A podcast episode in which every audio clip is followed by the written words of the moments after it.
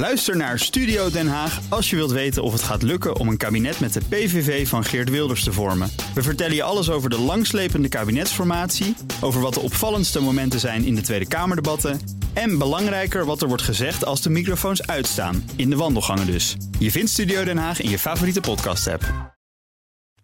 De column van Marianne Zwagerman. We konden op Facebook al live meekijken bij zelfmoorden en verkrachtingen, maar de terrorist in Christchurch voegde een nieuw genre toe: de real-time terreuraanslag.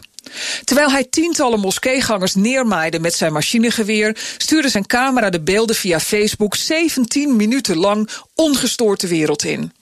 De video bleef uren online en verspreidde zich als een bosbrand over het internet. De moordenaar in Utrecht zond niet live uit, maar Twitter werd gisteren overspoeld met foto's en filmpjes van de klopjacht door de politie op de dader, door nieuwsconsumenten en professionele journalisten.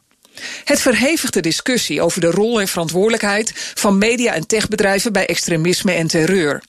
Niet alleen tijdens de aanslagen, maar ook op weg er naartoe. BNR-hoofdredacteur George Freulich ging erover in discussie met Paul Jansen van de Telegraaf. Mensen die hier in Nederland op allerlei flanken bezig zijn, moeten om hun verantwoordelijkheid denken, stelde hij. Hij ziet telegraafverslaggever Wier Duk op de ene en de mannen van Denk op de andere flank. Mensen die af en toe verschrikkelijk kwetsen om te kwetsen. Nou geloof ik niet dat mensen radicaliseren door dingen die ze in de krant lezen. Misschien zelfs niet eens door de ophitsende filmpjes die Denk de wereld insmijt. Ze kunnen hooguit een zaadje planten dat in een ziek hoofd uitgroeit tot een etterend haatgezwel. Denk zou je met drie zetels in de Tweede Kamer misschien nog wel een flank kunnen noemen. Maar de Telegraaf is dat niet. Met nog altijd een dikke miljoen Nederlanders die dagelijks de krant lezen en elke maand 5 miljoen bezoekers op internet.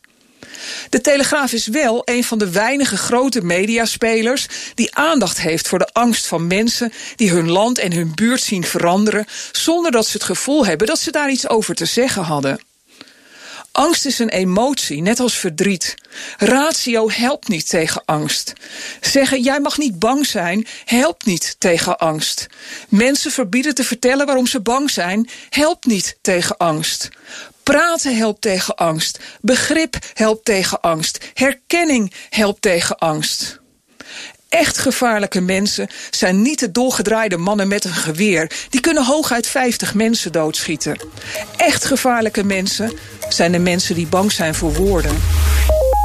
Dat is de column van Marianne Zwagerman. En op bnr.nl en in de BNR-app vind je meer columns en podcasts.